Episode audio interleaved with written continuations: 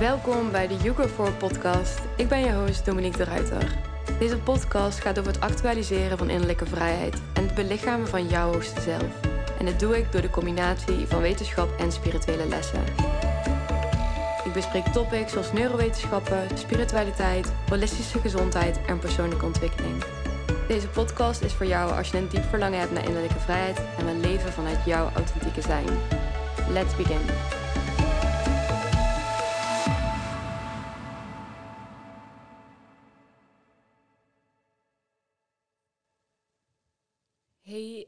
Welkom terug bij weer een nieuwe podcastaflevering. Uh, ik ben vandaag weer met een gast, Sandra. Uh, hi. En, uh, hi. en Sandra die begeleidt en coacht mensen door in te tunen op energie onder andere. en Sandra maakt onder andere ook kunst. volgens mij ben je eerst gestart met het maken van kunst. Klopt dat? Uh, nou, het is eigenlijk een beetje door elkaar uh, gegaan. Oh, het is toen een beetje door elkaar gegaan. Ja, ja. Als je dan kijkt naar mij als heel klein meisje, dan riep ik altijd van ik was kunstenares. Yeah. Maar ik was ook altijd al bezig met um, heel veel voelen, maar dan onbewust natuurlijk.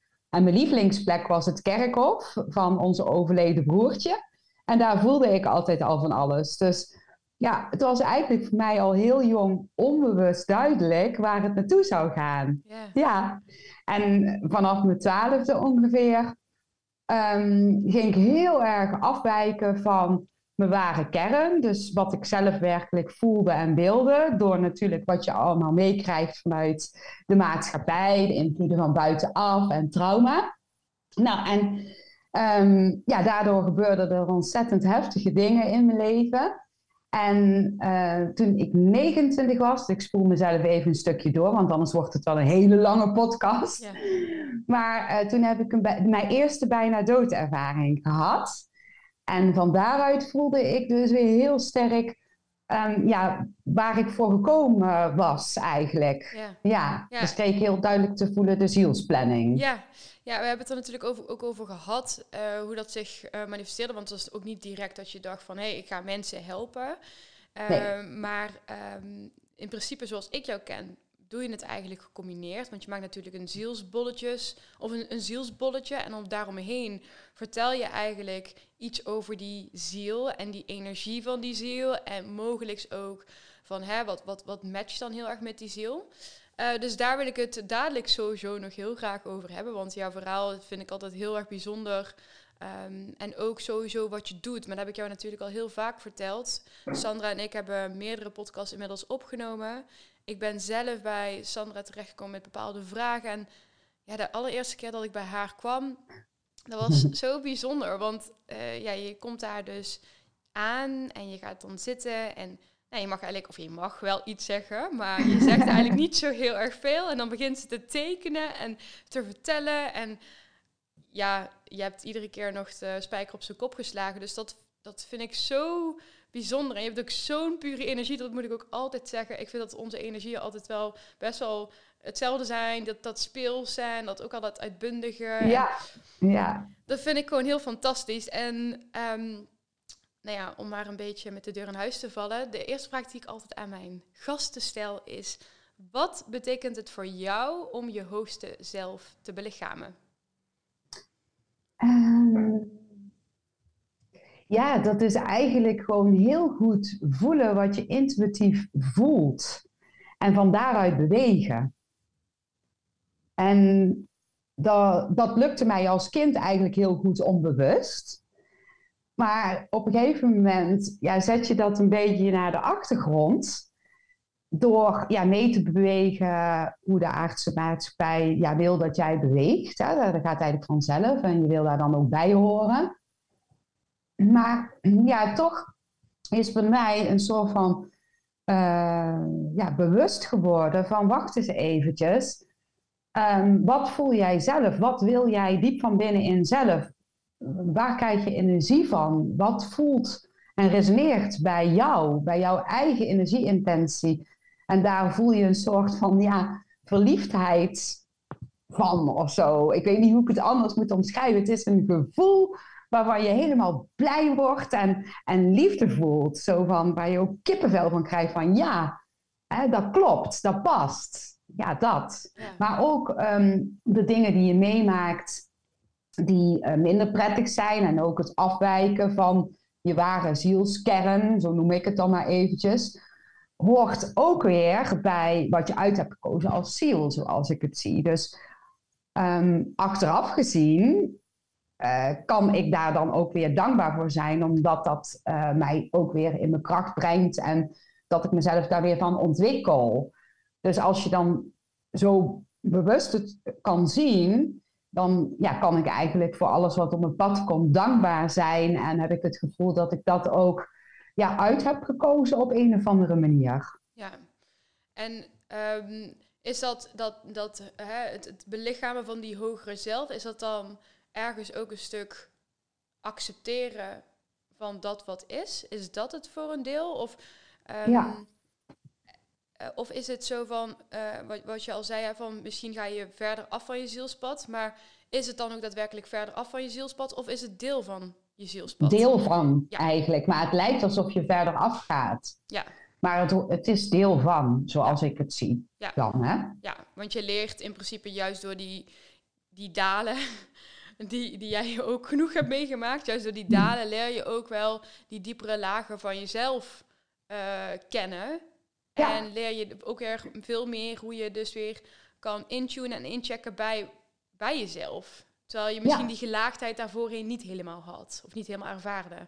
Ja, toen was ik daar gewoon niet bewust van. Nee. En dan ga je ook door pijn. En blijkbaar is het dan ook nodig om door die pijn heen te gaan. En ja, ik geloof zelfs dat er uh, vorige levens mee te maken hebben. En dat er nog veel meer is alleen uh, het aardse leven. En dat het allemaal met elkaar in verbinding staat en dat je dat daarom ook nodig hebt. Ja. Nou, heb jij een hele weg afgelegd om hier te komen, daar waar je nu bent. Mhm. Ehm, sommige mensen zullen jou wel al kennen, maar sommige mensen zullen jou ook nog helemaal niet kennen. Kan jij een beetje zo vertellen hoe jij, hoe jij bent geworden tot de persoon die je nu bent? Hoe, hoe is jouw proces ontvouwen? Je had het net al over een aantal zaken. Kan je daar nog iets dieper op ingaan? Uh, ja, even een slokje thee nemen. ja, uh, hoe ik hiertoe ben gekomen allemaal. Ja, dat, dat, dat heeft toch wel te maken met... Uh, ja, ja, dit is, is best, best een lastige vraag, want dan weet ik eigenlijk niet precies waar ik nou het beste kan beginnen. Maar ja, misschien wat ik net eigenlijk al vertelde. Als klein meisje, meisje voelde ik wel al onbewust waar het naartoe ging op een of andere manier. Maar niet bewust. Dus ja, je gaat dan toch maar ja, bewegen zoals uh, ja, ook de maatschappij wil dat jij beweegt. En uh, daardoor gebeuren er van allerlei zaken. En toch tijdens die hele heftige dingen die ik mee heb gemaakt voelde ik steeds in die onderlaag van dat er veel meer was als alleen dit. Maar ik kon daar gewoon niet bij komen. Dat, dat, dat is gewoon een heel ja, diep weten of gevoel. Um, ja, waar, waar je geen woorden aan kunt geven.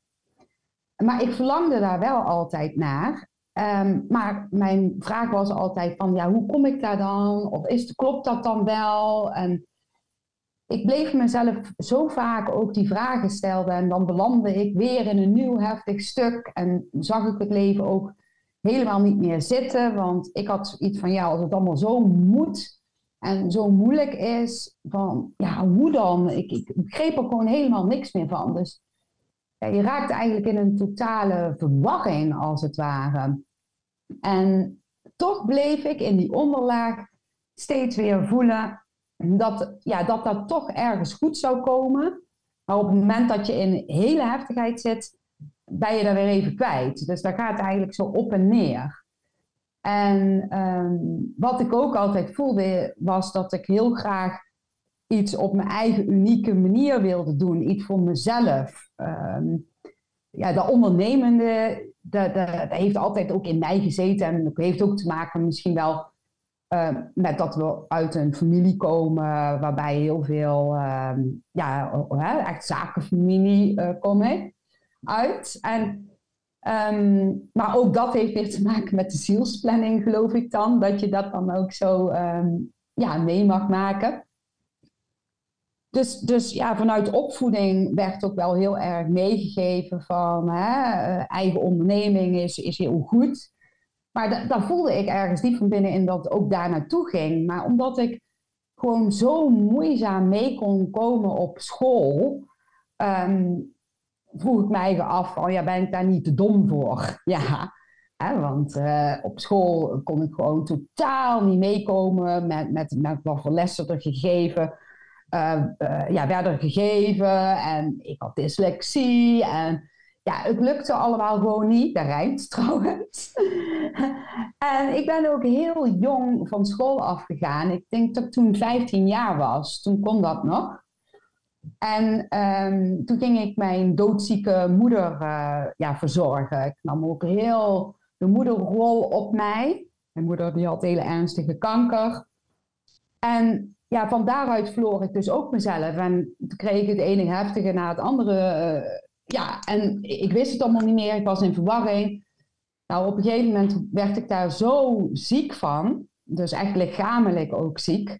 En, en, en geestelijk werd ik daar ook wel...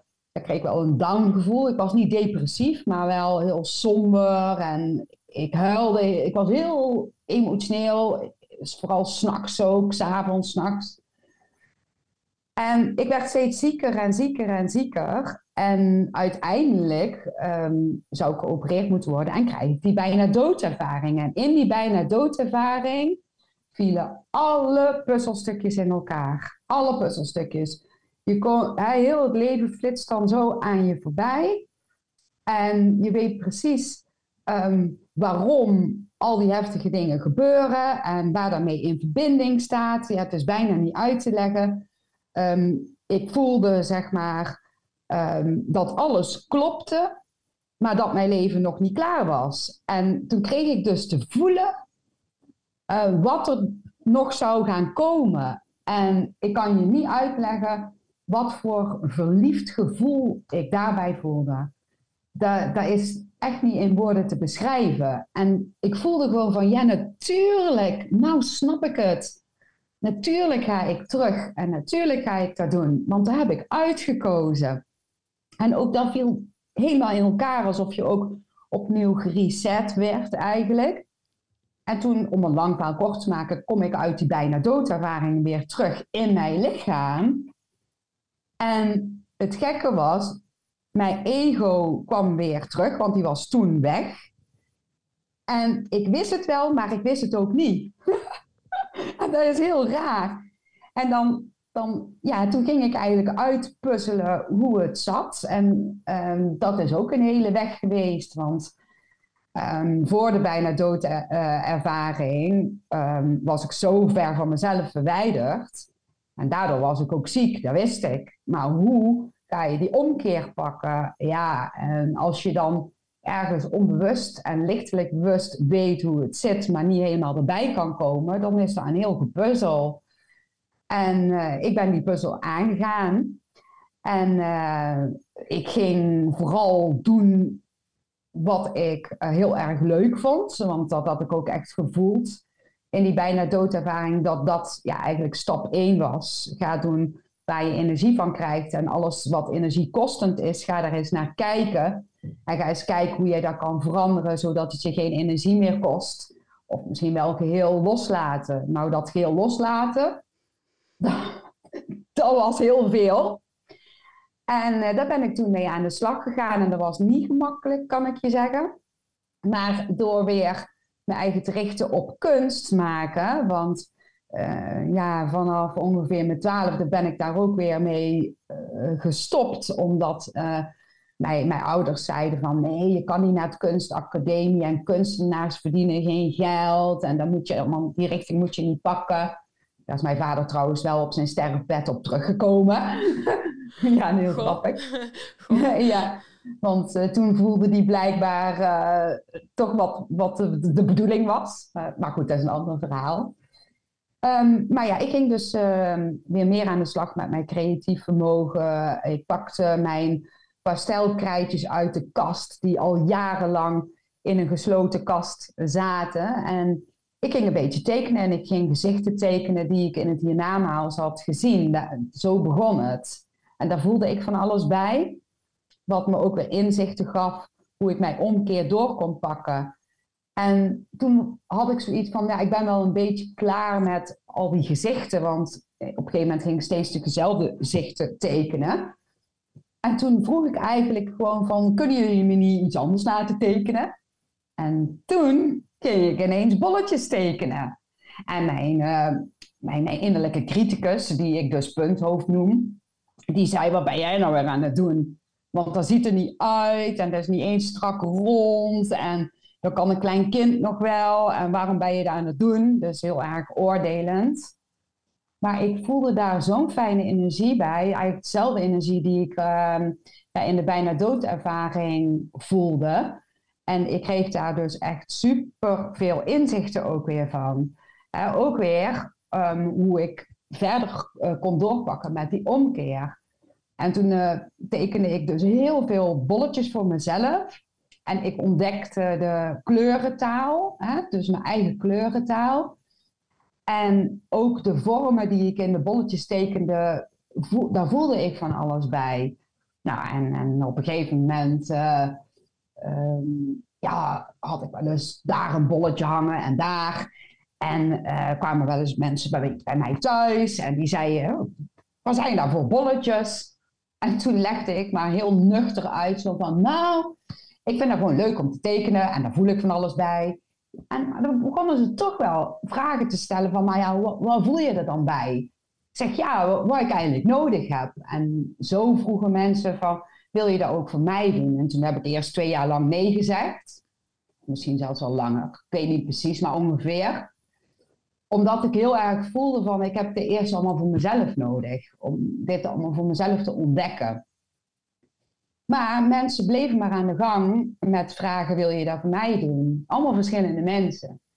En toen ben ik daarvoor gewoon voor de geinis voor één iemand gaan doen. En ja, er ging iets open in mij. Zo voelde dat. Alsof hier bij mijn kruinchakra zo ineens zo open schoot. En het voelde alsof dat ik de informatie van de energie die hun uitzonden en dus de energie van de ziel, alsof dat die op een of andere manier kon downloaden. Terwijl mijn innerlijke criticus, dat punthoofddenken, zei van, doe even normaal, wat ben je aan het doen? En weer oordeel, oordeel, oordeel. Maar ik kreeg terug van uh, de mensen waarvoor ik tekende dat dat klopte. Waardoor je dan dus ook, dat vind je als mens natuurlijk fijn om bevestiging te krijgen, ja, dat iets klopt. Terwijl ik toch heel onzeker was, dus weer met mijn mind, hè, met mijn hoofd, mijn punthoofd. Uh, maar ja, ik kon niet anders als uh, daarin door te gaan, want van hè, zo kwam één iemand op mijn pad en zo kwam de ander en dat ging via via. En op een gegeven moment ja, waren er zoveel mensen op mijn pad. En zo is eigenlijk de praktijk licht in jezelf ontstaan. Ja, en uh, licht in jezelf, dat is ook heel mooi, want ik deed in die tijd na mijn bijna doodervaring heel veel mediteren. En in een meditatie kreeg ik ook heel erg sterk die naam licht in jezelf naar voren. En uh, dat nam ik toen helemaal niet zo serieus met mijn hoofd. Maar um, toen was er op ik had die naam wel vastgelegd, ja, en als domeinnaam. En toen wilde iemand die naam kopen, hè, voor best wel veel geld.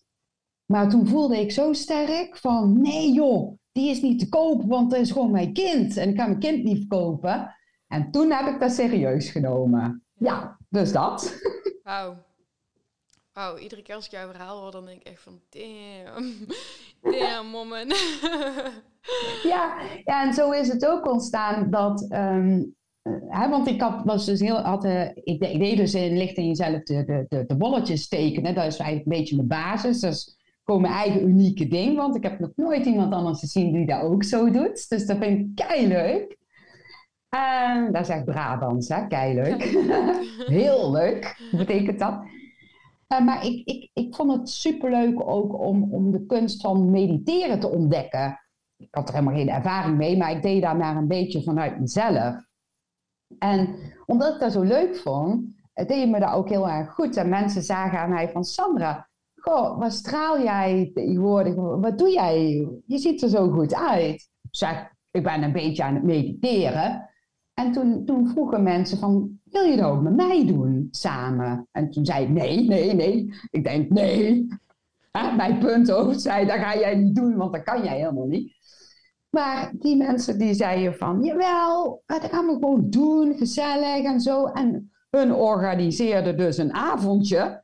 En ik had zoiets, oké, ik, ik kom wel. Nou, en dan hebben we heel de avond een slappe lach gehad, maar ze vonden het zo leuk. En de volgende keer kwamen ze met nog meer mensen. En toen nam ik mezelf iets serieuzer, niet te serieuzer.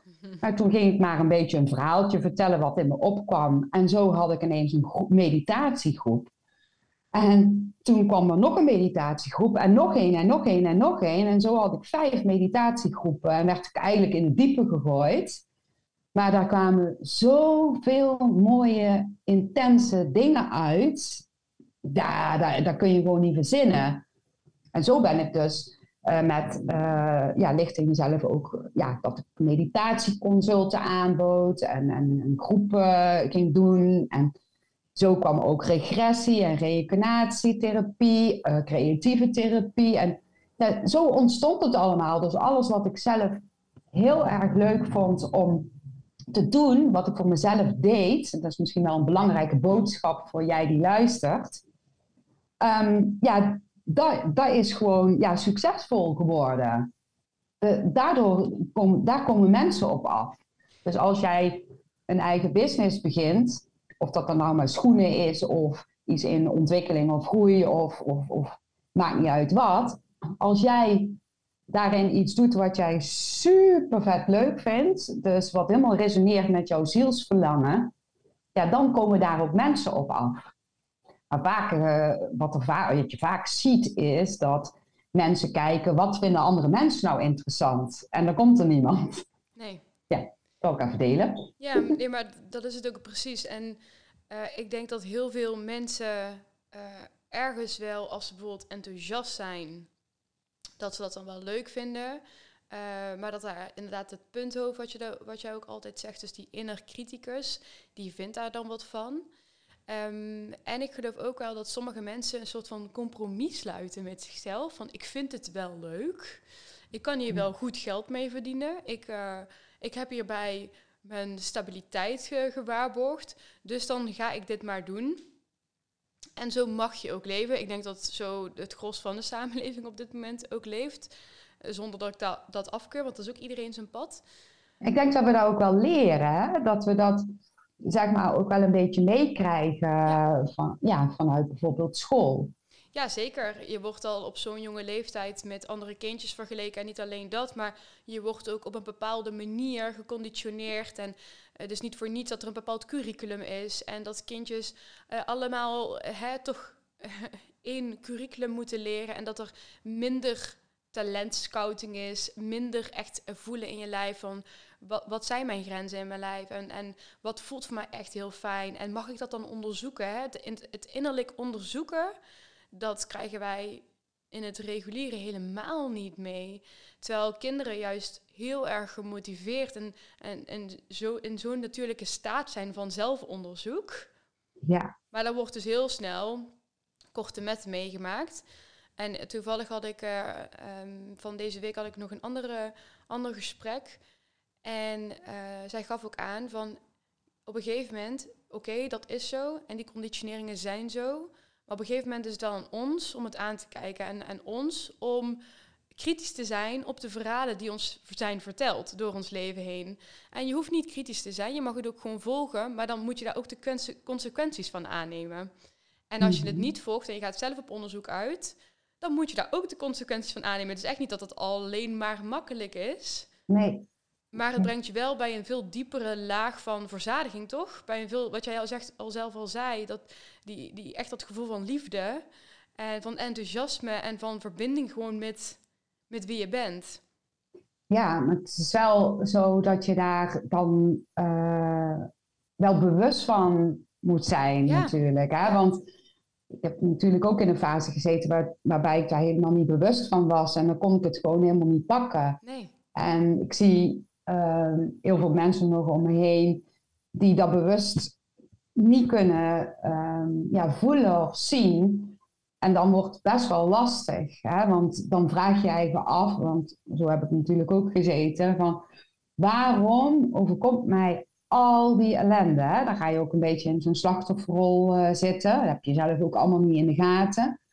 Maar ik, ik, ik snapte het oprecht gewoon helemaal niet hoe dat kon. Want in mijn ogen, of ja, mijn, mijn zienswijze toen, ja, bedoelde ik altijd alles heel liefdevol en goed juist naar heel de wereld. En waarom moest ik dan zoveel van die ellende meemaken? Ik kon het gewoon niet zien. Maar hoe fijn is het als je dan op een gegeven moment komt bij een punt waarbij je daar bewust van wordt. Ehm, ja, dat, dat de dingen die jij kiest, en dat kies je ook voor mijn gevoel wel op zielsniveau uit, dat heb je zelf misschien niet eens in de gaten. Maar dat die wel allemaal bijdragen aan jouw groei uiteindelijk. Maar als je dat niet ziet, dan kan je wel zeggen, ja, hè, dan moet je even wel, uh, uh, hoe, noem je, hoe noemde jij dat? Uh, consequenties nemen voor de gevolgen. Maar ja, dat wordt dan wel een beetje lastig natuurlijk. Snap je wat ik bedoel? Mhm.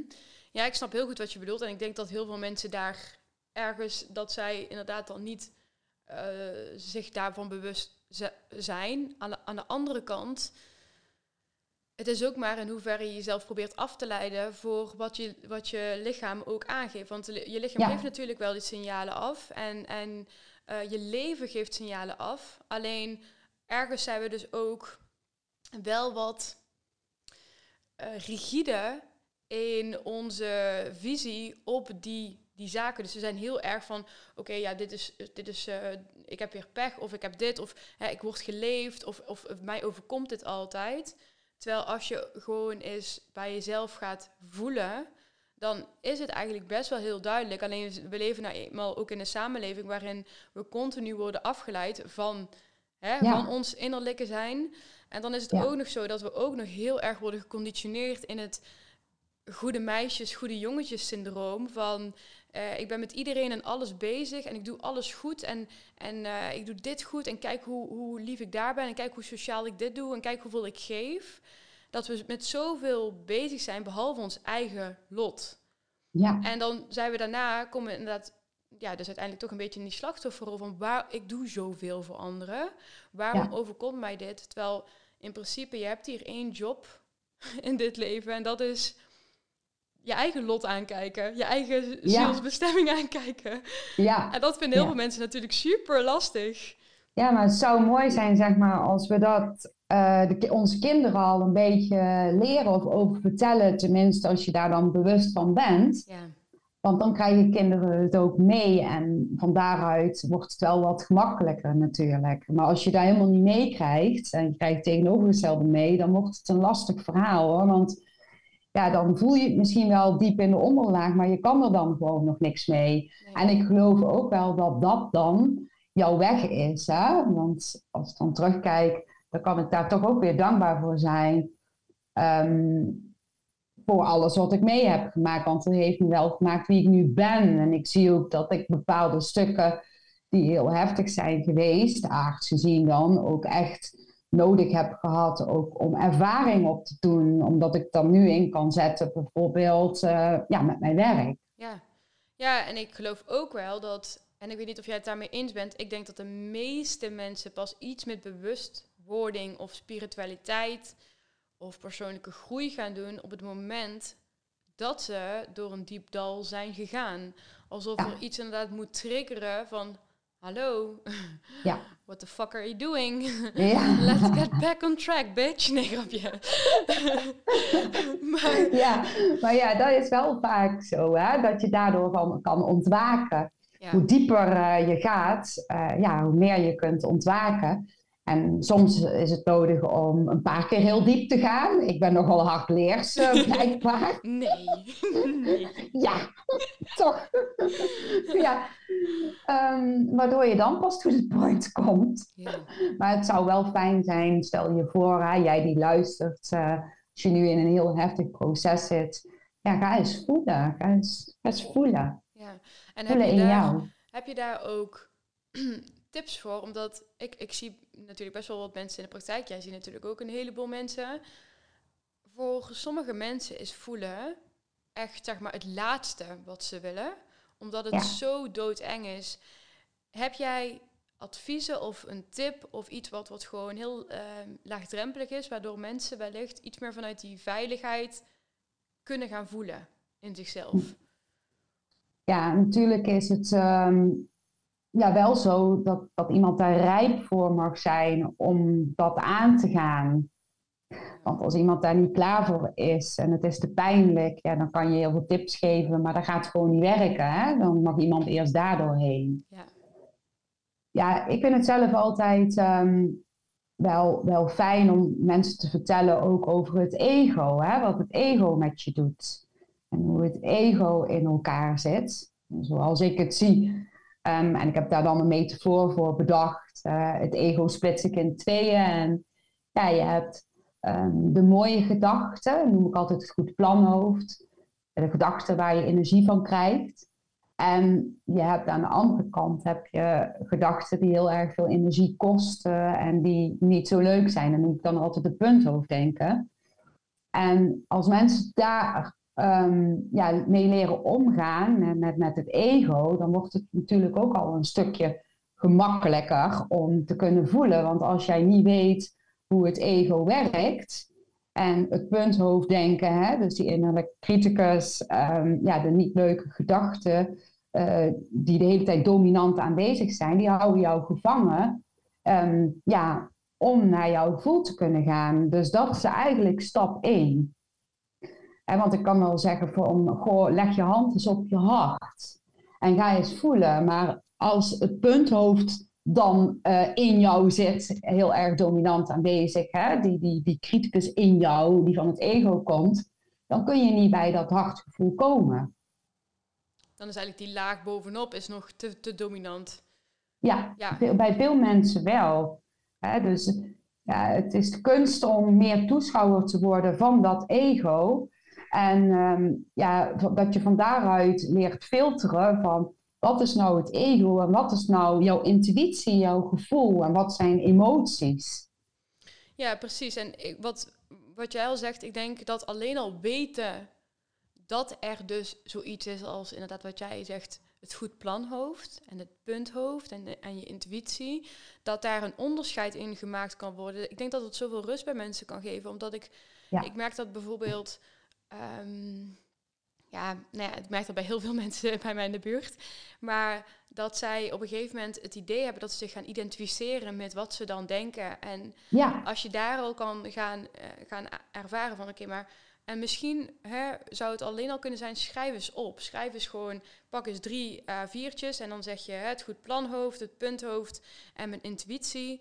En ga gewoon eens schrijven, wat is nou voor jouw idee van, het punthoofd? Wat is nou voor jouw idee van het goed planhoofd? Wat is nou uh, het idee van je ziel? Um, of van je intuïtie? Ja, ziel is, is dan intuïtie eigenlijk. Intuïtie, staat, uh, ja. ja. ja. Um, en als je gaat schrijven, dan krijg je daarna ook best wel Schrijven is heel erg fijn, omdat je het dan echt zo van je af kan schrijven. Uh, en je eigenlijk, wat jij al heel mooi zegt, observator wordt, want dat willen we uiteindelijk. En daarna, als je dat lijstje ook kan zien en je kan het misschien bij je dragen. En je denkt van, oh ja, inderdaad, ik zit weer in dat punthoofd. Ik, ik ben niet goed genoeg. Oh ja, ik zit in dat punthoofd. Of um, ik voel een verbinding met iemand. Oh ja, je zit in je hartenergie of je intuïtie-energie of je zielsenergie. Ja. Um, maar ja, dat is inderdaad heel mooi. En wat ik ook heel mooi vind wat je zegt, is iemand moet rijp zijn om dat ook te kunnen ontvangen. Ja. Uh, want ik denk dat jij ook heel vaak mensen krijgt die misschien, uh, dan mag je dadelijk zelf ook jouw metafoor vertellen, maar die zelf misschien al, ja, ik wil het niet in, in een hiërarchische volgorde zeggen of zo, maar die zelf misschien eh, wat meer bewust zijn en die dan heel veel energie steken in het aantrekken van mensen die misschien daar nog niet zijn. Terwijl dat misschien op dat moment gewoon niet hun zielspad is. Zou je ehm, daar ook, ja, die metafoor, je zegt dan groene tomaat, rode tomaat.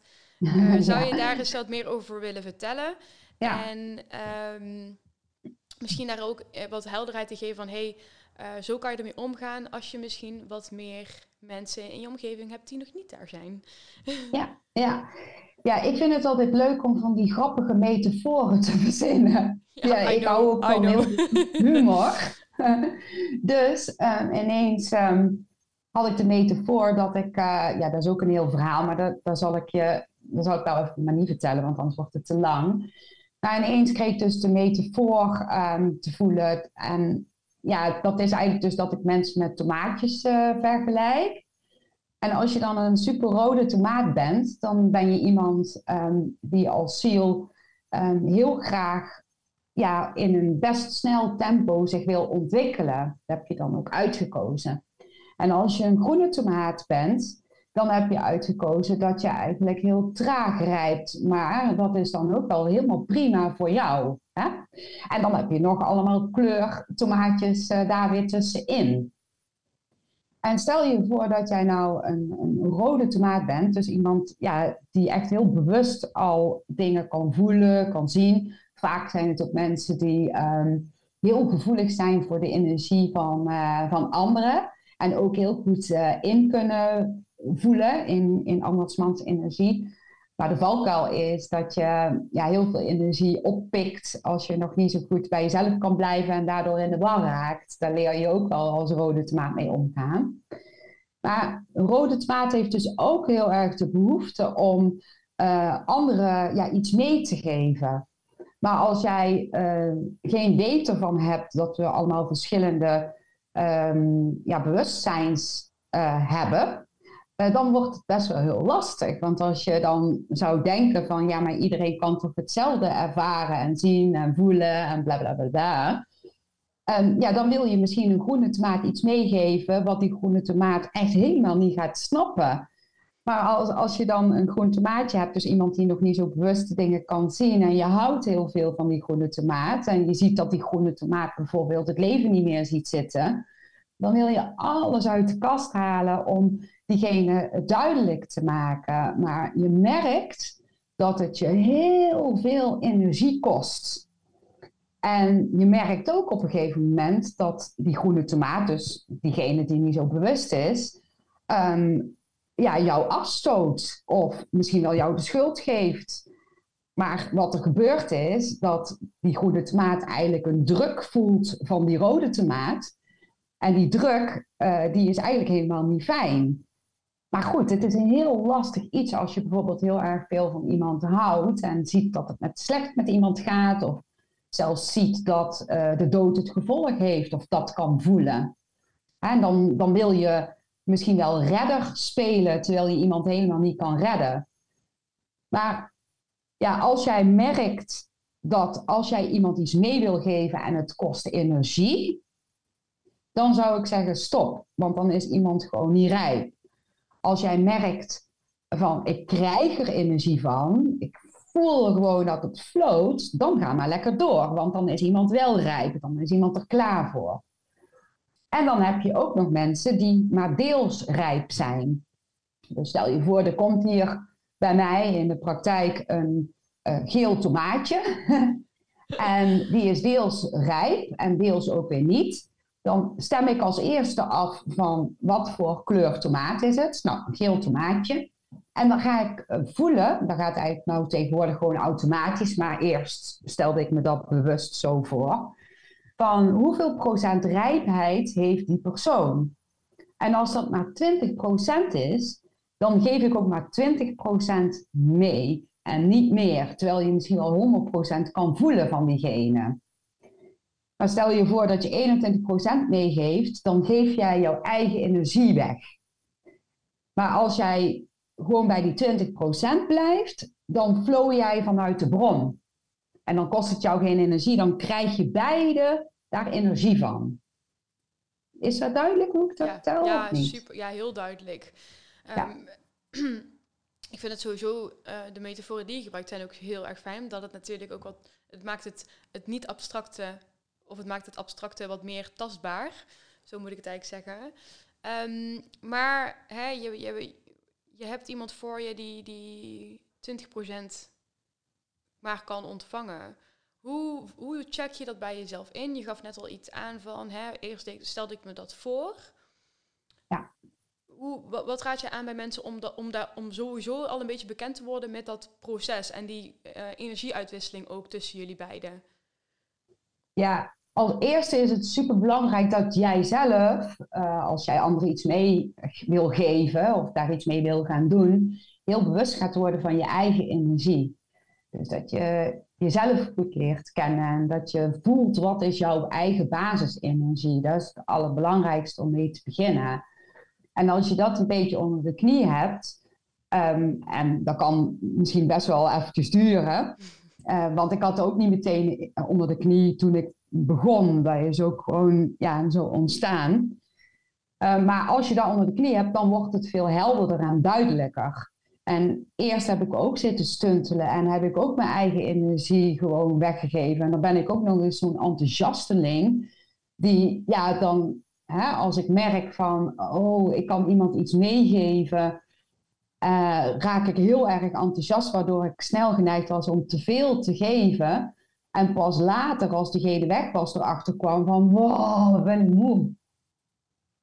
Um, maar toen heb ik ontdekt van, weet je wat ik ga doen? Ik ga tussen het contact wat ik met diegene heb, tussendoor even voelen van, hé, hey, bij hoeveel procent energie zit ik eigenlijk nog? Hè? Dus als iemand komt, is het fijn, zeg maar, om eerst eens eventjes, of om eerst sowieso bewust te worden van je eigen energie. Dus goed te voelen voordat iemand komt hoe jij je eigenlijk voelt. Dan komt iemand, of je hebt iemand aan de telefoon. En dan te voelen wat is het verschil. En je kunt dan bijvoorbeeld de metafoor, het tomatenverhaal gebruiken, maar je kunt ook zelf een metafoor bijvoorbeeld verzinnen. Hè? Bijvoorbeeld een stoplicht die je ziet. Als het rood is, nou dan stop maar, dan kan je niks doen. Als het groen is, dan ga je door. En als het oranje is, is het een twijfelgeval, kun je misschien maar een paar procentjes eigenlijk meegeven.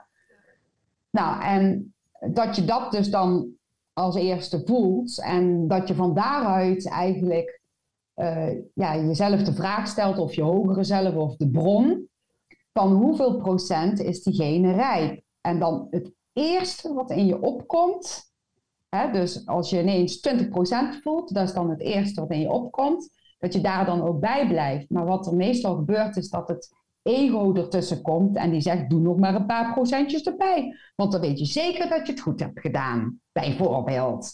Ja, en dan hang je er weer in. En dat is gewoon oefening baart kunst. En ik heb daar ook jaren over gedaan, echt niet binnen een weekje of zo hoor. Nee, en het is ook een lerend proces. Wat ik bijvoorbeeld merk in de praktijk is dat het soms inderdaad vanuit enthousiasme dat je heel veel doet. Uh, en dat het misschien wel een beetje overweldigend kan zijn voor diegene. Ook, want die voelt dan die, dus die druk. Die druk, ja. ja.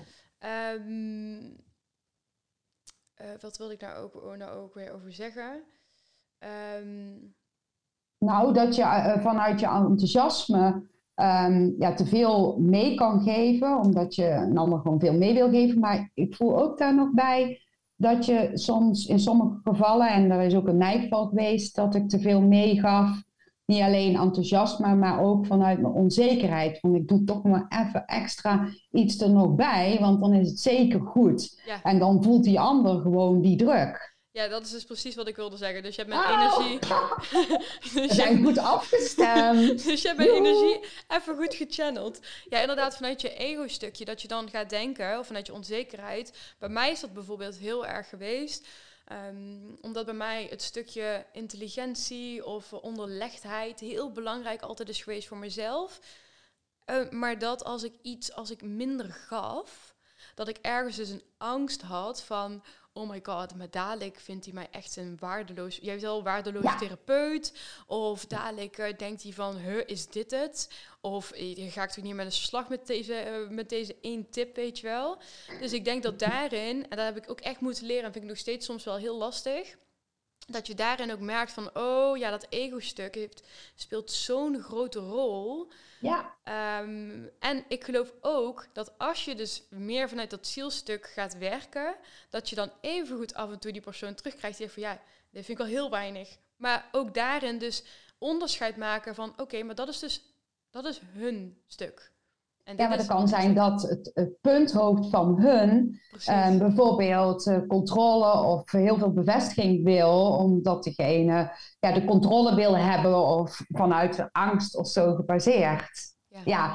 en dan bijvoorbeeld kan zeggen van nou, hè, wat jij, waar, jij, waar jij nou mee aankomt, daar heb ik niks aan. Ik moet feiten hebben en bewijzen hebben. Maar dat is gewoon het, het ego van die andere, het punthoofddenken. Ja, ja. ja, ja. en ik vind het altijd een hele mooie uh, wisseling. En vaak is het ook al zo dat als je bij de personen waar je allermeeste energie aan geeft wetende dat het eigenlijk niet de persoon is waar je dat aan moet geven, dat dat altijd als een boemerang tegen je kop terugkomt.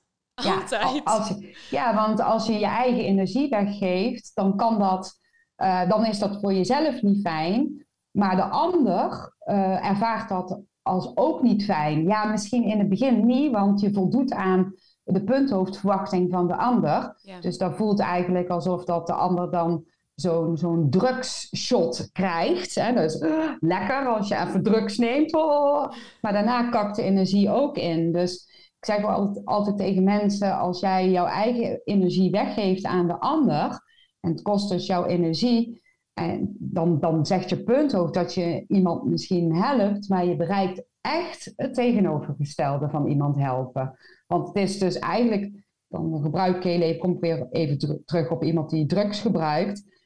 Als, als iemand nu hier binnenkomt lopen en die zegt tegen mij van Sandra, heb je geld voor mij drugs? Ga ik dat toch ook niet geven, want ik weet dat dat niet goed is. Nee. Snap je? Ja, precies.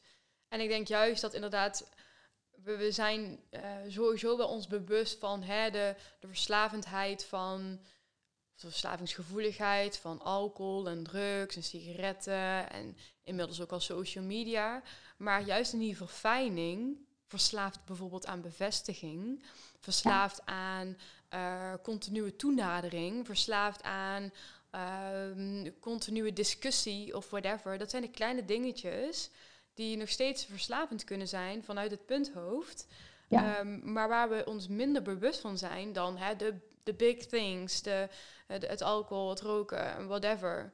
Terwijl die naar mijn idee net zo schadelijk kunnen zijn als die grotere dingen. Alleen ze zijn minder, ze worden minder snel aan het licht gebracht, dus je hebt het minder snel door. Ja, ja, ja zeker. Kan jij iets vertellen? Want je hebt, ehm, je hebt al vaker verteld over die bijna doodervaring. Kan jij iets vertellen over, ik ga het nu even zeggen, zo zeggen, de gelaagdheid van wat er verder nog is. Je hebt natuurlijk je, je, je menselijke, mechanische materialistische lichaam. Je hebt je hogere ik, je hebt je ziel. Je hebt misschien zelfs uh, ja, spirit animals of, of uh, lichtwerkers of, of, of, leermeesters. De bron. Kan jij iets vertellen, vertellen over die gelaagdheid? Of dat, is dat grappig, want daar heb ik uh, vanochtend een podcast van gemaakt.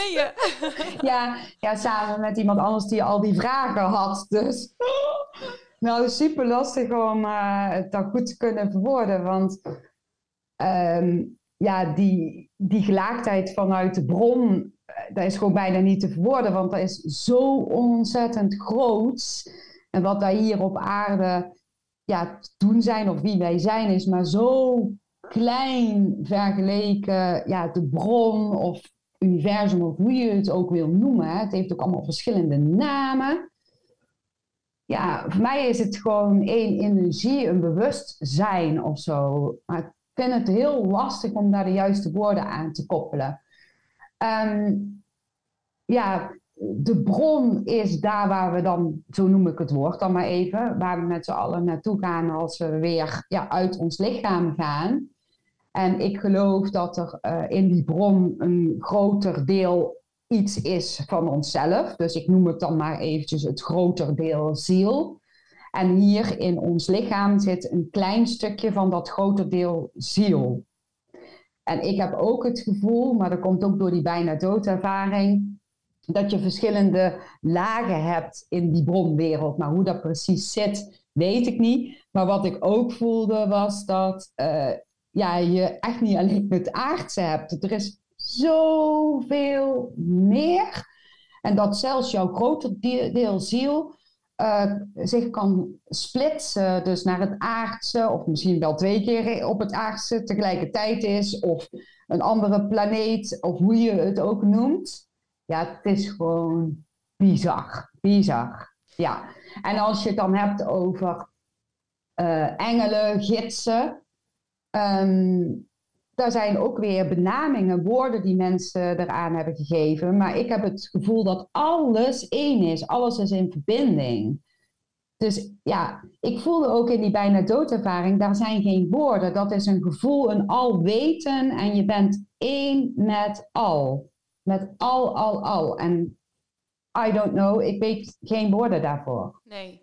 Nee, maar sowieso, woorden zijn ook zo vet gelimiteerd. En we zijn natuurlijk ehm, heel erg geneigd om te kaderen. En dat is ook oké. Didactisch gezien is dat wel handig.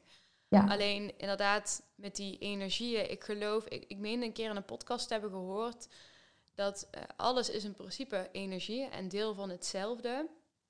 Alleen de wijze waarop wij die energie interpreteren, of de wijze waarop wij die energie aanspreken, of ehm, de wijze waarop wij die energie benaderen, dat dat maakt hoe die energie voor ons tot expressie komt. Dus bijvoorbeeld, dat kan inderdaad zijn in een soort van engelen-energie. Dat kan je, die, die, gewaar, die gewaarwording of die associatie kan, kan je maken. Het kan bijvoorbeeld ook een de Boeddha zijn, of inderdaad Maria Magdalena, waar ik het toevallig afgelopen week over heb gehad. Dat kan natuurlijk ook. Het kan ook zijn dat je misschien iets meer echte energie ziet in kleuren, of in, in, in dieren, of in sensaties. En ik vind dat ergens ook al mooi, want ook al is het fijn om het didactisch ergens wel een beetje te begrijpen, het, het, het onzichtbare is nou eenmaal niet zo goed in woorden te beschrijven. En ik geloof ook des te meer we het echt willen beschrijven in die woorden, des te meer we ook verder afgaan van wat het daadwerkelijk is. Ja, dat klopt. Dat is mooi dat je dat zo zegt. Want ehm, ja, hoe bewuster ik hier ook weer van word, want ik groei daar ook natuurlijk in. Hè? Dat gaat door totdat je doodgaat, volgens mij. Maar hoe minder woorden ik eigenlijk wil gebruiken. Terwijl als ik dan kijk naar bijvoorbeeld uh, eh, 20 jaar terug, um, vond ik het juist fijn om, om daar woorden aan te geven. Dus voelde ik energie vanuit de bron en gaf ik dat een naam. Waardoor ik, als ik in meditatie was, weer die energie kon aanroepen omdat ik het een naam had gegeven. En dat was dan voor mij een gids. Terwijl nu um, is alles één. ja. ja. Ja. dus ik, ik heb niet meer, um, uh, hoe zeg je dat nou, de naam nodig om de energie uh, tot me te kunnen nemen. Ik stem gewoon af en ik download hem gewoon of zo. Ja. ja, ik weet niet hoe ik het anders uit moet leggen. Ja, nee, ja, ik vind het juist wel heel erg mooi ook hoe je dat, hoe je het sowieso uitlegt, maar ook als ik dus bij jou zo'n zielsbolletjes, of zo, ik, ik zeg altijd meteen zielsbolletjes consult, maar ik bedoel gewoon zo'n zielbolletje maakt, dan, dan ervaar je ook dat channelen. En ik heb ook wel eens met jou erover gehad, ook over, er zijn zoveel verschillende therapeuten en ook mediums. En geef dat ook dan maar allemaal een naam, want voor heel veel van die zaken is dan ook weer geen, geen goede naam te vinden.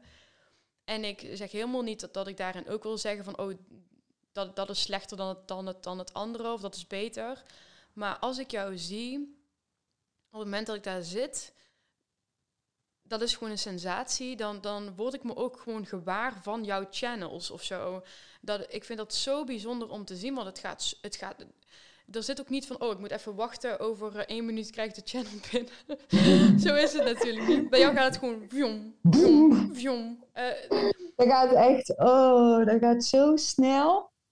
Want je voelt, je ziet, je ruikt, je proeft alle zintuigen die je hebt. Ja. Daar neem je dingen mee waar en dat gaat helemaal door elkaar. Maar toch kan ik het op een of andere manier vertalen. Ja, ja dat is echt... En heel goed vertalen ook nou, daar vindt mijn punt ook van niet. Nee, maar... nee, nee, dat klopt. Maar, maar ik, mijn, mijn, mijn ziel vindt dat van wel. maar ja, soms dan... Ehm, ja, weet je wat, wat het mooie is? Je stemt dus af op de persoon die tegenover je zit. En van daaruit download je ook de informatie en de juiste vertaling. Maar soms gaat dat zo snel uh, dat mijn punthoofd heel eventjes uh, erbij komt en zegt... Nou, ik denk niet dat die ander dat kan volgen als je dat zo doet. Hè? Maar dan check ik altijd even bij de ander, kun je het nog volgen? En dan zeggen hun volmondig ja. En dan zegt mijn punthoofd, oké, ik ben weer weg, weet je wel. Ja.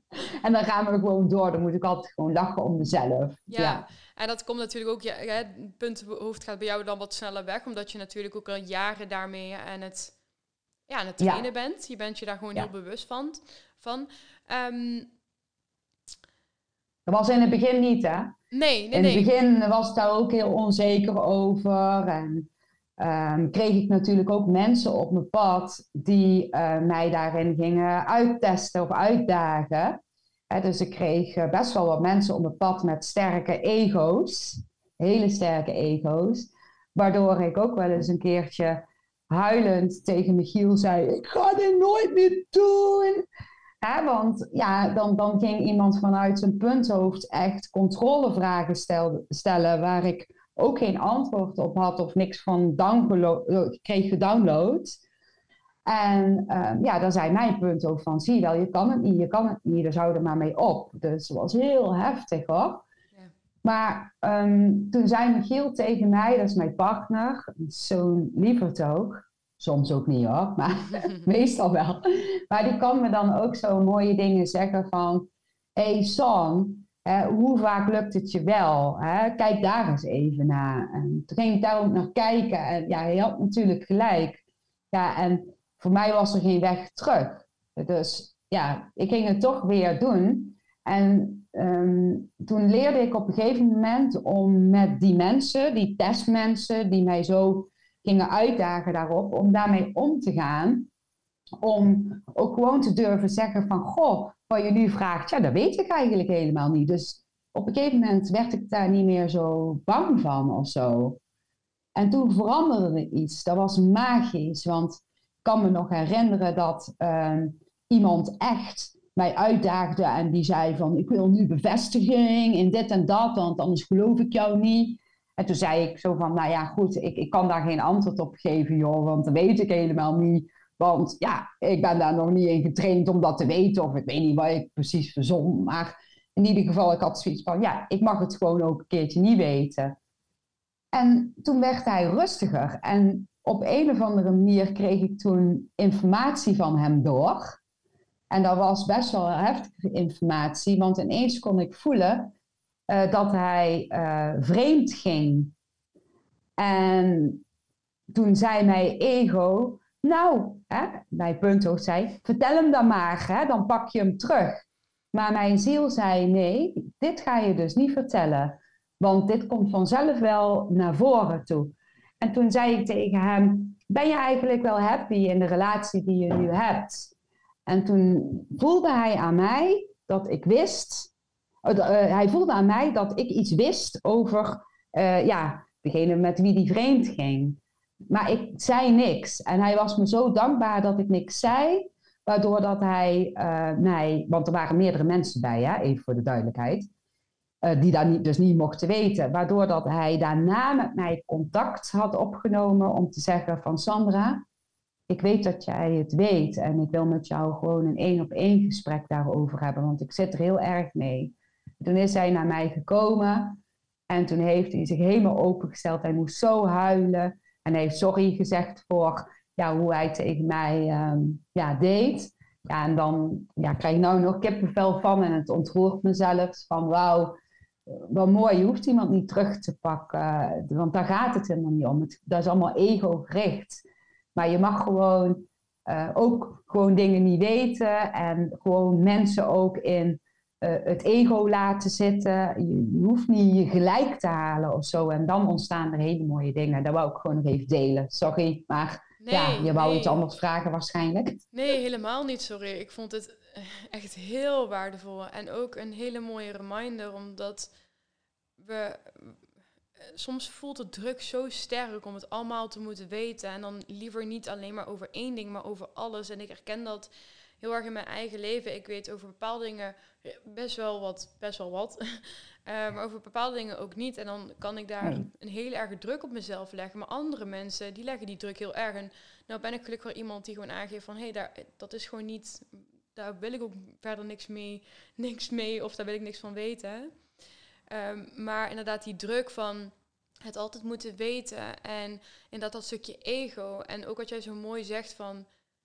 Het terugpakken is echt een ego-spel. En ik denk dat we daar onszelf nog heel even echt duidelijk aan mogen reminden of aan mogen herinneren. Het is echt een ego-spel. Want ik kan ook enorm met mijn ego schieten. En dan inderdaad um, ja, gedrag laten zien of keuze maken waarvan ik achteraf denk van why would you, weet je wel? En om dan ook te zien van je gaat zoveel meer verbinding bereiken door dan juist hè, je ego, je trots uh, in te slikken. Ja. Nou, daar heb ik wel wat testjes op gehad hoor. Dat mensen mij echt daarop uit uh, gingen dagen. Zo had ik ook een keertje vier bouwvakkers uh, over de vloer, van die stoere mannen. Maar ik vond het altijd leuk om, om, om hun ja, gewoon lekker bij mij koffie te laten drinken en zo. En toen zagen ze op een gegeven moment gewoon tarotkaarten op mijn vensterbank. Nou doe ik helemaal niks met tarot, even voor de duidelijkheid. Maar ik, vond, ik vind het gewoon leuk om van die kaartendesks te hebben, hè, verschillende. Dat vind ik zo leuk om mee te spelen, gewoon voor de gein. Dus toen, toen waren ze zo tegen mij zo bezig van, oh, ben jij een heks, weet je wel? En uh, ben je een waarzegger? En uh, ja, vertel eens dit en dat. Ik zeg, nou, ik weet helemaal niks. Ik, ik, ik heb die dingen gewoon voor de lol. Dus ik ging niet vertellen wat voor werk ik deed of zo, want ik had het gevoel van, ja, dat, dat wil ik niet of zo. Maar um, ze, gingen, ze bleven maar gewoon daarop hameren en mij voor de gek uh, proberen te houden. En toen, uh, toen zei ik zo van, ja, als je het echt wil weten, hè, als je het echt wil weten, dan, dan, moet je, dan moet je dat gewoon tegen mij zeggen. Want dan kan ik wel misschien een beetje invoelen, maar daar heb ik die kaarten niet voor nodig. En toen grapte ik daar zo terug. En toen zei die jongen van, ja, dat wil ik eigenlijk wel weten. En ik voelde dat hij, dat hij met zijn ego nog ja, mij probeerde voor de gek te houden. Maar ik voelde ook dat hij zich ergens open voor stelde. En ja, ik begon toen dingetjes te vertellen die ik niet kon weten. En hij begon te huilen. En die andere bouwvakkers die keken echt zo van, wat de fuck gebeurt hier? En die gingen zich ook openstellen. En het was zo gaaf wat daar gebeurde. En toen, omdat ik gewoon ook maar gewoon zei wat in me opkwam, maar niet om hun te dissen of, of gelijk te halen, maar gewoon om dat vanuit liefde te doen, ja, werd het, ja, ik, ik heb daar ook weer geen woorden voor. Het werd zo'n mooie pauze, want we hadden dus pauze bij mij. En daarna gingen hun mij heel anders behandelen. Heel anders. Dus niet meer mij daar voor de gek houden, maar er was iets gebeurd daar, waardoor dat hun ook een bevestiging kregen van er veel meer tussen hemel en aarde. En ja, dat is het mooiste wat je dan ja, mee kan maken, vind ik. Dat vind ik zo gaaf. Ja. ja. ja dat is en, en mooi. als je dat dan zo vaker meemaakt en je leert met die mensen omgaan, uh, dan vind je dat juist leuk. Dus als er nou iemand komt, ze komen niet zoveel meer, want ja, ik heb bij lessen daar ook wel in geleerd. Maar soms komt er nog wel eens ooit bijvoorbeeld een, uh, iemand die een zielsbolletje wil of een ander consult. En die man of vrouw hè, wil dan per se mee, want die uh, wil uh, wel eens weten wat ik allemaal te zeggen heb. Zo weet je wel. Dus de een staat heel erg open en de ander totaal niet. Maar ik vind het dan super gaaf uh, dat iemand helemaal niet open staat. Want ik weet precies hoe ik daar nou mee om kan gaan. En eigenlijk 99% gaan ze zich toch ergens openstellen, omdat je daar vanuit liefde zonder druk ja, uh, dingen kunt benoemen. Ja. snap je? Ja, ik weet niet hoe ik het anders moet zeggen. Nee, je zegt het heel oh. duidelijk. Ja, het is echt zo mooi. Ja. Het is ook mooi. Het is sowieso zo enorm mooi. Dat merk ik in ieder geval ook zo door mijn leven. Dat je reacties terugkrijgt van... Wow, ik ben volgens mij... Door wat jij hebt meegemaakt ben ik wakker geworden, zeg maar. Of ja, wakker geworden. Hè, ben ik bewuster geworden. En als je dat dan terug hoort... En al helemaal bij jou omdat je het zo feilloos kan transleren in hè, die menselijke vorm, zal ik maar even noemen, dan is dat zo'n cadeau. En ik denk dat het ook echt een cadeau is gewoon aan, aan de mensheid, aan de samenleving. Ja, ik zou het liefst 20 Sandra's willen. nou, nou, nou, nou, nou, nou, nou, nou. Maar nee, maar het is dus wel echt een cadeautje. En natuurlijk, uh, sommige mensen zijn, zijn daar nog niet. Maar ik geloof wel dat als één iemand zijn bewustzijn of haar bewustzijn vergroot of verhoogt, dat dat ook weer leidt tot een kettingreactie. En dat daardoor we nu ook echt in zo'n globale of global awakening zitten. En dat vind ik zo'n mooie, mooie fase. Natuurlijk ook wel confronterend, maar ook zo mooi en magisch om te zien dat er zoveel meer mensen echt bezig zijn met dat stuk. Ja, super gaaf. Maar voor mij, ieder die op mijn pad komt, is voor mij ook echt een heel groot geschenk. Want weet je, ik ontwikkel daar dus ook van. Hè? Dus het is niet zo dat ik alles weet. Absoluut niet. Ik weet helemaal niks vergeleken al wat is. Maar elke keer als er weer iemand op mijn pad komt, in welke vorm dan ook, is dat gewoon een geschenk. Want daar ontwikkel ik van. En ja, als je elkaar zo lekker aan kunt steken en iedereen wordt daardoor bewuster, ja, dan, dan, ja, dan word ik alleen maar helemaal blij van. Ik denk wel dat dat ook wel een soort van zielsmissie is.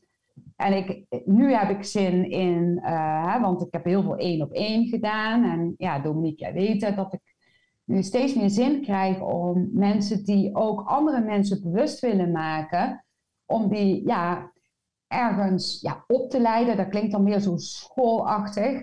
Maar in ieder geval dingen mee te geven hoe je dat kunt doen. Zodat ja, het kringetje eigenlijk steeds groter gaat worden. Dat, ja, en daarom ben ik ook mijn eigen podcast ook gestart. Hè, om uh, ja, mensen, zoveel mogelijk mensen bewust te maken. Dat, dat is echt wat ik voel. Ja, en ik raad ook echt aan voor degene die nu luistert. Ga ook gewoon haar podcast beluisteren. Ga...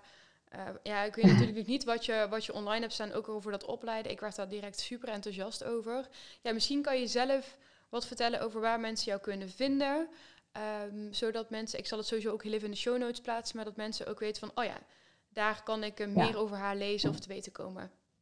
Ja, wat ik je net uh, vertelde over ja, andere mensen opleiden, dat, dat voelt alsof dat, dat nog, alsof ik daar zwanger van ben en dat het nog geboren mag ja. worden. En ik ben echt al, al dingen aan het uitschrijven en ik krijg steeds ingevingen of dromen, uh, hoe dat zich gaat uh, vormen.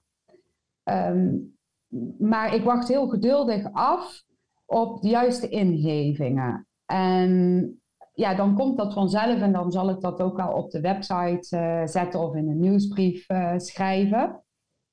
Nou ben ik vooral bezig, wat, wat ik nu ook al aan het doen ben, is, is gewoon korte trainingen en workshops geven. Maar meestal zit ik die altijd meteen vol, dat ik geen kans heb om het op de website te zetten. Maar mocht je daarvan op de hoogte gehouden willen worden, dan kun je je aanmelden voor de nieuwsbrief. En dan word je steeds als ik iets nieuws heb uh, op de hoogte gehouden. En ik ben geen nieuwsbriefstalker, dus je krijgt maar een heel zeldzame nieuwsbrief, echt alleen als ik iets nieuws heb.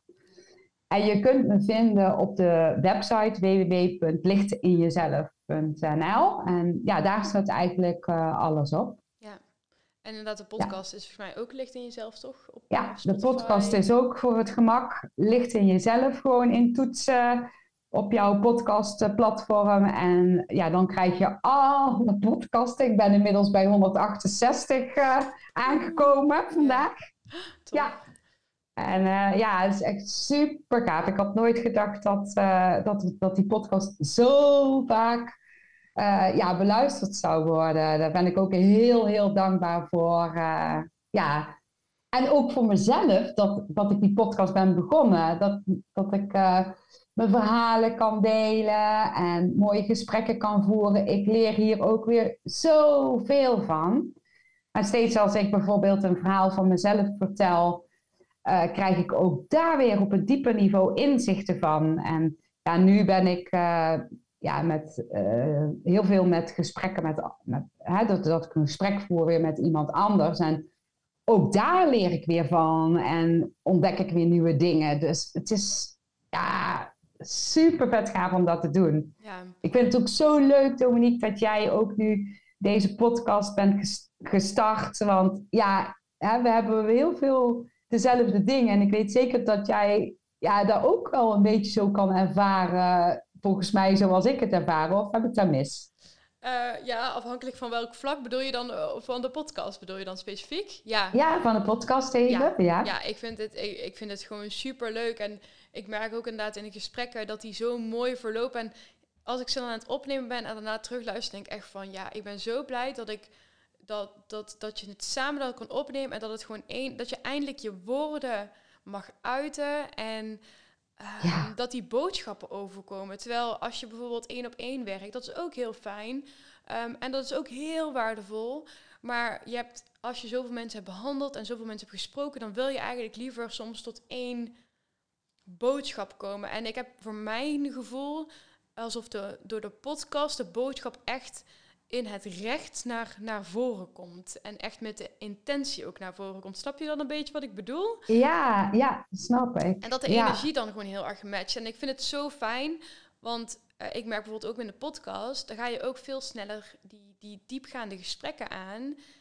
Um, omdat je ook gewoon echt even to the point gaat komen. En ik merk dat ik daarin zoveel voor mezelf al uithaal. Maar dat ik daarin ook merk van wauw, hier, mag, hier, mag nog, hier mogen zoveel mensen nog meer over horen. En ja, ik vind dat e-, echt als ik die podcast aan heb staan, ik vind dat altijd heel erg magic. Ik, ik vind dat, en ik, ik vind het sowieso de mensen die ik, die ik spreek, maar vooral ja, jij ook, dan ja, ik ga er helemaal aan van staan. Ik vind, dat, ik vind dat echt fantastisch. En ik geloof ook dat mensen dat zelf ook ervaren als ze jou horen.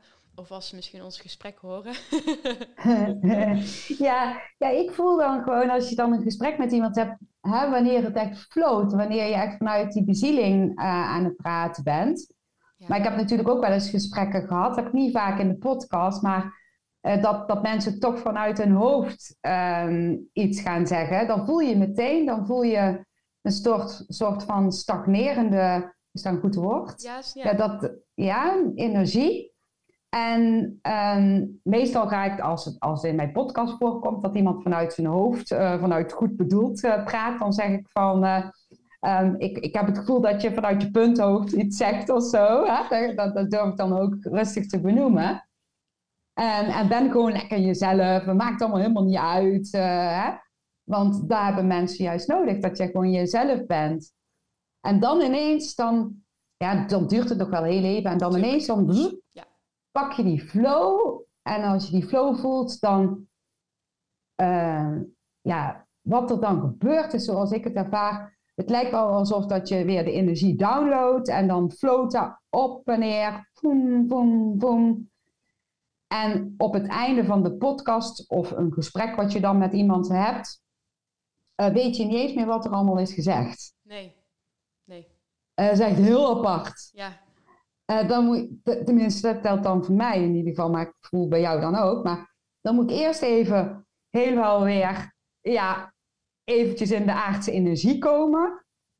En dan weet ik het weer. Ja, ja. En dan kan ik ook het stukje erbij schrijven waar het over gaat. Ja, heb je dat ook? Ja, ik heb dat ook. En ik vind dat, ik, dat vind ik sowieso... Anders vind ik ook niet dat de dat het gesprek, inderdaad wat jij zegt, dan loopt het niet. Dan stagneert het ergens. En dan, dan sta je bij een vraag, maar dan is het zo van... Ja, dan is diegene weer aan het praten en dan moet je weer een nieuwe vraag gaan bedenken. Ehm, en natuurlijk, ik moet wel zeggen, ik bereid me altijd voor. Ik ga ook altijd even zitten van tevoren welke vragen wil ik deze persoon stellen. Want wat, ik wil ook de maximale, het maximale eruit halen qua boodschap aan degene die luistert. Daar, haal ik, daar, daar hecht ik heel veel waarde aan.